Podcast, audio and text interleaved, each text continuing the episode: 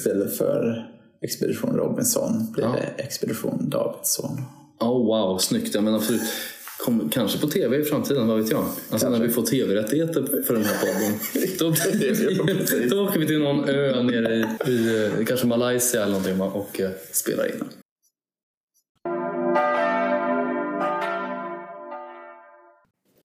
Det som kommer till mig då om man ska koppla in Jesus Kristus, Guds enfödde son, världens frälsare i det här. Det är alltid bra att koppla in. Ja, koppla, ringer honom nu?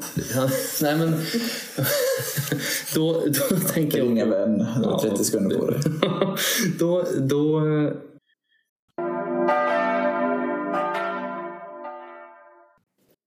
Så du kan citera dig själv så som du borde ha sagt vid något tillfälle. Ja.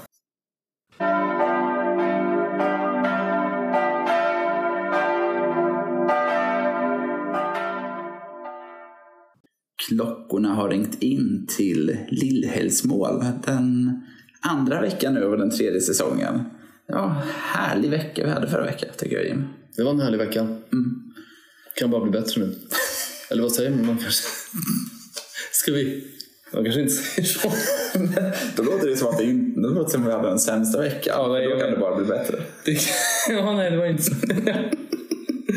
Jag tappade det. Ja, det är helt okej. Ja, stark start. Vart är du i livet just nu? Ja, visst, ja, jag eh, var i eh, Norrtälje i helgen. Och nästa helg ska jag till Linköping. Så jag är resande evangeliets tjänst. Oh. Ena veckan pratar jag med eh, kateketer eller söndagsskollärare i eh, Södertälje. Andra veckan så pratar jag med en ungdomsgrupp i Linköping. Så det händer, nu sa jag både Norrtälje och Södertälje. Det kanske du vän av ordning undrar vad jag pratar om. Jo, men de var i Norrtälje men de kom från Södertälje. Eh, Så att jag re- reser runt lite grann och eh, håller kurser. Det upptar mycket tid. Hur är det med dig? Ja, men det är bra. Jag unnade mig att efter att egentligen inte varit ledig på hela sommaren så bestämde jag mig att den här helgen ska jag, ska jag vara helt ledig. Mm, Men studierna startade ju förra veckan. Jag hade absolut kunnat läsa men jag kände att nu ska jag bara ta sovmorgon, fixa med saker i lägenheten, S- ja, lyssna på musik, spela gitarr.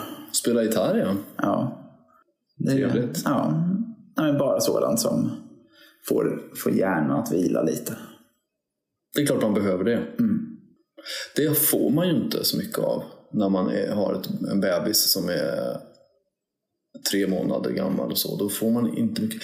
Det har jag känt nu att man, du vet, man är, man är på helspänn mycket och man får inte riktigt den återhämtning man behöver. Nej. Och då märker man ju att man behöver återhämtning. Alltså hur, viktigt, hur viktigt det där är. Vila sig. Ja. Det pratar man, man pratar mycket om arbetsmiljö. Du vet att folk på jobbet, man ska inte gå in i väggen på sitt arbete.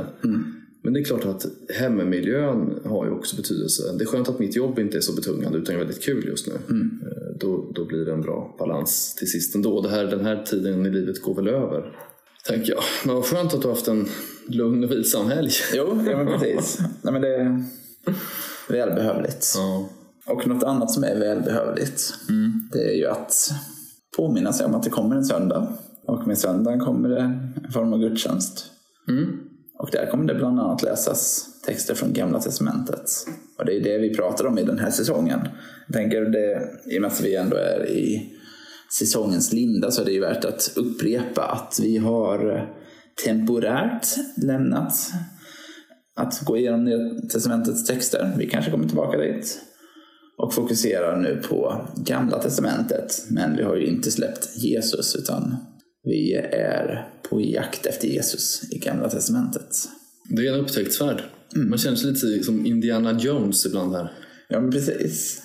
Att man, man är på jakt kanske efter den röda rubinen eller sådär. Va? Med machete hugger man sig fram. precis. Istället för Expedition Robinson blir Ja. det Expedition Davidsson. Oh, wow, snyggt. Ja, men absolut.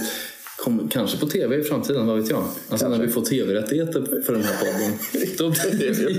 Då, då åker vi till någon ö nere i, i eh, kanske Malaysia eller någonting och eh, spelar in. Men åker ner till Grekland. Det kan man verkligen. Det, det är dit. Eller till eh, Israel. Ja, Grekland och Israel. Mm. nu spånar vi. Ja. Söndags GT-text. Vad ska Ja. ni läsa i katolska kyrkan?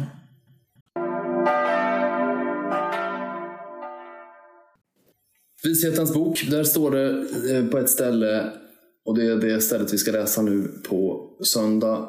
Guds fruktan är vishetens begynnelse. Det står lite till, men jag fastnade för just den formuleringen. Guds fruktan är vishetens begynnelse. Eh, ordet fruktan, Linus. Har du någon känsla för det ordet? Det finns ju en mänsklig känsla och sen finns det ju en akademisk känsla. Jaha. Men den mänskliga känslan är ju att En akademisk känsla det. Ja. Nej, Men den mänskliga känslan är ju att det är ju inte så kul. Nej. Man vill undvika fruktan. Och det akademiska, då pratar man ju mycket om, men framförallt i Gamla Testamentet, det finns ju gång på gång betoning på Guds fruktan som något gott som håller människor på rätt väg i livet. Men om man också har läst eh, Martin Luthers lilla katekes, då skriver han väl så vid, eh, är det vid buden? Ja, du ska frukta och älska Gud så att du... Och det var det ju väldigt många som lärde sig utantill på något sätt, de där formuleringarna. Du ska frukta och älska Gud. Ja, precis. Det är väl Luther också, eller någon annan. ja, Jag läste så många kommentarer på det Du läser ju i höstas. mycket du. Det, det, det blir så när man studerar. Mm, ja, ja. Men där det just finns den här på, nej, men det var nog Luther som sa det. Att fördelen med att frukta, ha en gudsfruktan, frukta Gud, är att då behöver man inte frukta människor. Nej, Jesus säger det på ett ställe. Du ska inte vara rädd för den som kan skada kroppen, men, men du ska vara rädd för den som kan kasta dig i helvetet. Det är väldigt drastiskt, men, men det betyder ju vem ska du frukta? Du ska inte frukta människor, utan du ska frukta Gud. Men det, jag väl tror att det var det ja. Men frågan är, kommenterade. det är väl väldigt få som, som skulle säga att det är konstruktivt och gott att vara rädd för Gud. Eller vad, vad betyder egentligen det här? Ska man vara rädd för Gud? Är det, är det början till vishet att gå omkring och vara rädd? Det beror nog på vad vi lägger in i rädsla. Jag tänker att om man skulle ersätta termen fruktan eller rädsla och prata i termer av att vara medveten om att det vi gör spelar roll åt båda hållen. Och vårt förhållningssätt till Gud spelar roll åt båda hållen. Då tänker jag att då, för det är någonstans jag läser in i när vi börjar prata gudsfruktan, prata rädsla. Medveten om att det, kan, det finns olika utfall. Det finns olika konsekvenser för... Att man är medveten om det. Så Ja. Medvetandet om saker och ting. Ja, verkligen. Ibland vill man ju lägga till det här att gudsfruktan eller fruktan inte bara betyder rädsla. Utan det kan ju också betyda liksom på något sätt uppmärksamhet mot en viss typ av uppmärksamhet mot att du liksom uppmärksammar vad Gud håller på med och vem Gud är i första hand. Du kanske liksom funderar över din relation. Vem är du och vem är Gud? Och att du kommer ihåg det. Du är inte Gud och Gud är inte du. Eh, Liksom att det faktiskt inte är samma sak. Det som kommer till mig då om man ska koppla in Jesus Kristus, Guds enfödde son, världens frälsare i det här. Det är alltid bra att koppla in. Ja, koppla, ringer honom nu? Nej men, då, då tänker jag... Ringa vän, du har 30 sekunder på dig. då, då, ja, nej men då, om man gör det, om man kopplar in honom, då kanske man tänker på när Jesus ber i Getsemane. Och eh, tilltalar sin fader på ett väldigt speciellt sätt. Han säger då så här, låt mig slippa det här lidandet, eh, men inte som jag vill, utan som du vill. Och där kommer liksom detta att Gud har blivit människa i blixtbelysning tycker jag. Jesus är ju Gud, men han har underkastat sig mänskliga villkor. Och en del av det mänskliga är ju faktiskt att inför Gud säga ske din vilja. Och kanske som Jesus gör då lägga till, inte min. Och det kan vi nog faktiskt ganska många gånger behöva göra. Det är en sak att säga ske din vilja, ske din vilja på ett slentrianmässigt sätt som vi ju gör varje gång vi ber eh, Fader vår eller vår Fader. Då. Men att också våga lägga till ske din vilja, inte min. Att våga säga det. Vad händer då? Ja, jag tycker att det snuddar vid gudsfruktan. Att man faktiskt tänker så här, du Gud är större och har bättre koll på läget än vad jag har. Så hoppas att inte min vilja sker. För din vilja är bättre. Nej, men det är viktigt. Jag har eh, på det senaste året, varje gång jag ber vår fader, verkligen börjat betona att när jag kommer till Låt din vilja ske, att jag verkligen gör en betoning när jag kommer till ordet din. För att mm. det här är det jag verkligen vill poängtera, jag vill formulera. Mm. Jag tror inte att Jesus är rädd för sin fader när han ber där. Nej. Men han litar på något sätt på att fadern vet bättre. Mm. Och jag tycker det är ett av de stora tecknen på eh, vad ska man kalla det för? Alltså, om vi kallar det för gudsfruktan eller om man vill kalla det för en rimlig hållning gentemot Gud. Att man faktiskt accepterar du vet bäst. Mm. Jag minns en diakon i, eh, någonstans i Uppsala under min studietid som brukade säga det ganska ofta. Gud vet bäst. Det var nästan som hennes slogan eller valspråk. Hon, hon sa det ofta när man liksom hade något möte eller när man samtalade. Hon brukade säga det i slutet. Alltså man, det var ett, ett överlämnande i det. Va? Gud vet bäst. Mm. Vi, vi, liksom, vi kämpar på här, vi gör så gott vi kan. Men Gud han vet bäst. Och jag tänker också, du vet det här eh, våra vägar och Guds vägar, att de inte är de samma. Det står i Psaltaren dina vägar är inte våra vägar, mm. dina planer är inte våra planer. Alltså det är en viktig sak. Det kan ju vara lite jobbigt när man, när man står inför det. Okej, okay, Gud vill någonting annat än vad jag vill. Mm. Låt säga att man uppfattar att man hade en prästkallelse och sen så bejakar inte Gud den prästkallelsen. Det skulle vara jobbigt. Vad gör man då? Eh, vad ska man, eller, eller det finns flera andra exempel, men det är ett exempel. Då man uppfattar att jag, jag ville en sak och Gud ville en annan sak. Vad ska jag göra nu? man skulle kunna tänka, ja, jag kämpar, jag testar en gång till. Gud vill visst det här, det är bara att det blev förutsättningarna funkade inte. Ett annat sätt kan ju vara att säga, okej, okay, det var jag som hade fel. Mm. Det, det, måste ju ändå vara, finnas på kartan, måste man lägga upp den möjligheten på bordet. Jag mm. kan ha fel. Mm. Ja, precis. Något som jag tänker är viktigt där, det är ju att vara, att vara tålmodig. Mm. Att uh, vänta in. Det, jag tror att vi har det, det borde ha berört det någon gång. När vi, mm. när vi pratade bön. Och, så du kan citera dig själv så som du borde ha sagt jo, vid något tillfälle? Ja. ja. ja. men jag har varit flera gånger i situationer där jag, jag har haft en tydlig uppfattning om vad jag velat och jag tror det varit bäst. Det har inte blivit så. Mm. Men där jag sen, och ibland har det bara dröjt någon dag. I något fall dröjde det två, tre år. Men det sen kom till en punkt där nästan tre år bort då jag insåg att det som hände där, som jag såg som ett misslyckande eller ett fel, det var det absolut bästa. För att det gjorde att jag sen hamnade här. Jo men där, och det där känner man ju igen. Jag tror att många kan känna igen det. Faktiskt att, så att säga, med ett facit i hand eller med, med mm. livet i backspegeln så kan man säga det blev ju jättebra att det där och det där hände. Vilket jag inte förstod då, mm. men nu. Ja, nej, men så är det ju. Ja, precis. Så där skulle jag säga tålamod. Mm. Låta, låta tiden visa Guds vilja. Jo, men absolut.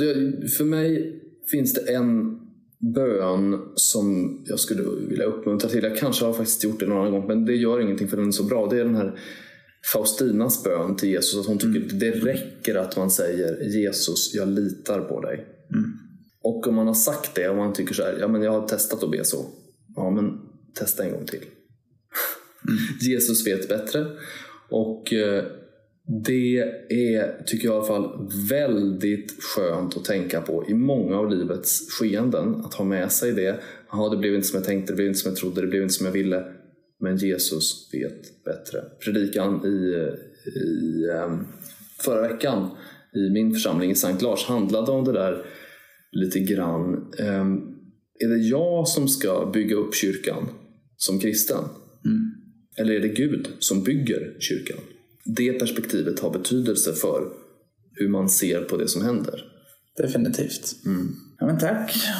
Då tänker jag att vi gör ett litet eh, samfundshopp. Det får vi göra. Till Svenska kyrkan. En reformation. Jo, precis. Så att vi kommer till Svenska kyrkan.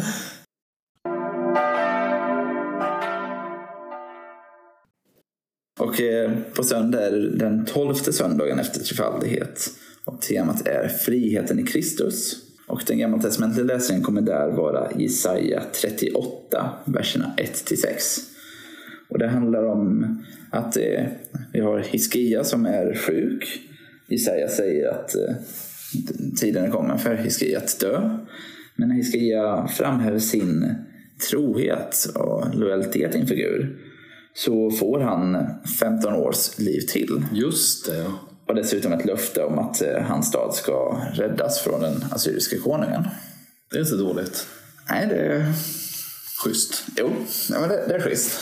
Definitivt. Ja. Nej, men då, mycket i Testamentet, vi kommer säkerligen få komma tillbaka till det här många gånger den här säsongen.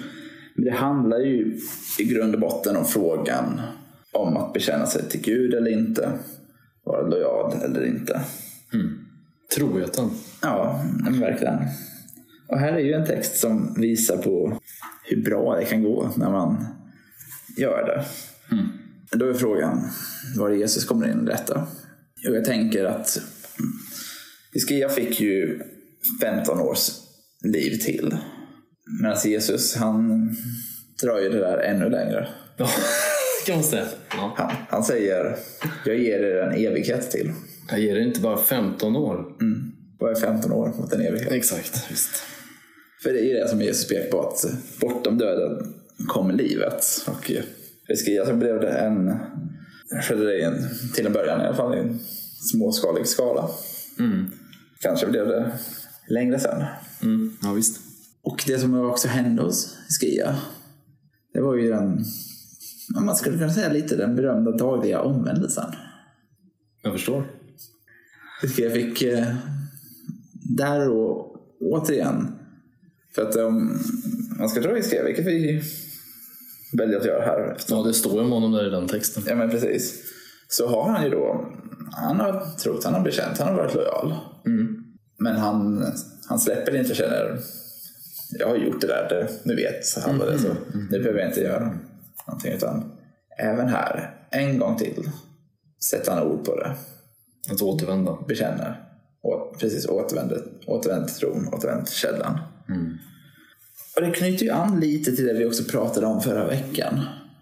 Det här att inte bara göra saker på rutin, utan att konstant återvända till vad är det större i det här. Vad är, framförallt vad i det här är större än, än jag själv. Det kan gälla på många områden tycker jag. Både i relationen till Gud såklart, i äktenskapet, i, på arbetet. Alltså att jobba med att återupptäcka. Jag tycker att det är okej faktiskt att återupptäcka. För man, man blir trött på många sammanhang. Man, man tänker så här, nu har jag fattat grejen, nu har jag förstått det här. Vad är nästa utmaning? Ja, men frågan är om nästa utmaning kanske är att lära sig, alltså ta en runda till eller ta ett varv till i det. För det finns alltid mer att upptäcka i det som man redan är i. Alltså det som du kallar för daglig omvändelse då. Eller, ja, det är väl ett bra uttryck. Att liksom i det här som är där jag är här och nu, va? där finns det mer. Om jag orkar se det. Ska jag be om förlåtelse en gång till? Ska jag, ska jag prova en gång till att göra det här som jag misslyckas med då och då? Eller ska jag ge upp? För det är ju andra alternativet tycker jag. Att ge upp. Ja, och eh, en sak, och det här visade ju att eh, vi, vi pratar inte med varandra inför de här poddarna om vad vi ska prata om. Så att ibland så Ja, hamnar vi väldigt i synk med varandra och då är det en, en chock för oss båda. Skulle man kunna säga. Ja, planeterna står i rätt rad och så vidare. Ja. Nej, för vi pratade ju väldigt nyss om det här med att invänta Guds vilja. Att vara tålmodig. Ja, det var ju du som pratade om det. Jo. Så det... ja. Och det gjorde jag utan att tänka på det. Ja. På vad som skulle komma. Så att det var... Ja, bra. Det visade att jag också var i nuet. Du var i synk med dig själv. jo, precis. Härligt. Ja. Vid en första anblick så kan det ju låta som att eh, Iskia får bönesvar. Nu kan inte jag knäppa, men tack. Så fort. Men man kan ju också tänka att om Iskia hela livet har levt i tron, följt där, så har han ju också väntat fram, varit ihållig fram till det här ögonblicket. Fortsatt tro på Gud. Fortsatt göra vad han kan för att följa Guds vilja. Även när det inte går så bra för landet. Även när han insjuknar. Precis. Och, och det tänker jag verkligen visar att ja, det blir en påminnelse om det vi pratade om. Att även om det här ser ut för oss som att det här gick ju jättefort. Han sa sin bekännelse och Pling. pling hände. Men han har ju levt ett långt liv fram till det här. Jag tycker det där är jätteviktigt. Alltså.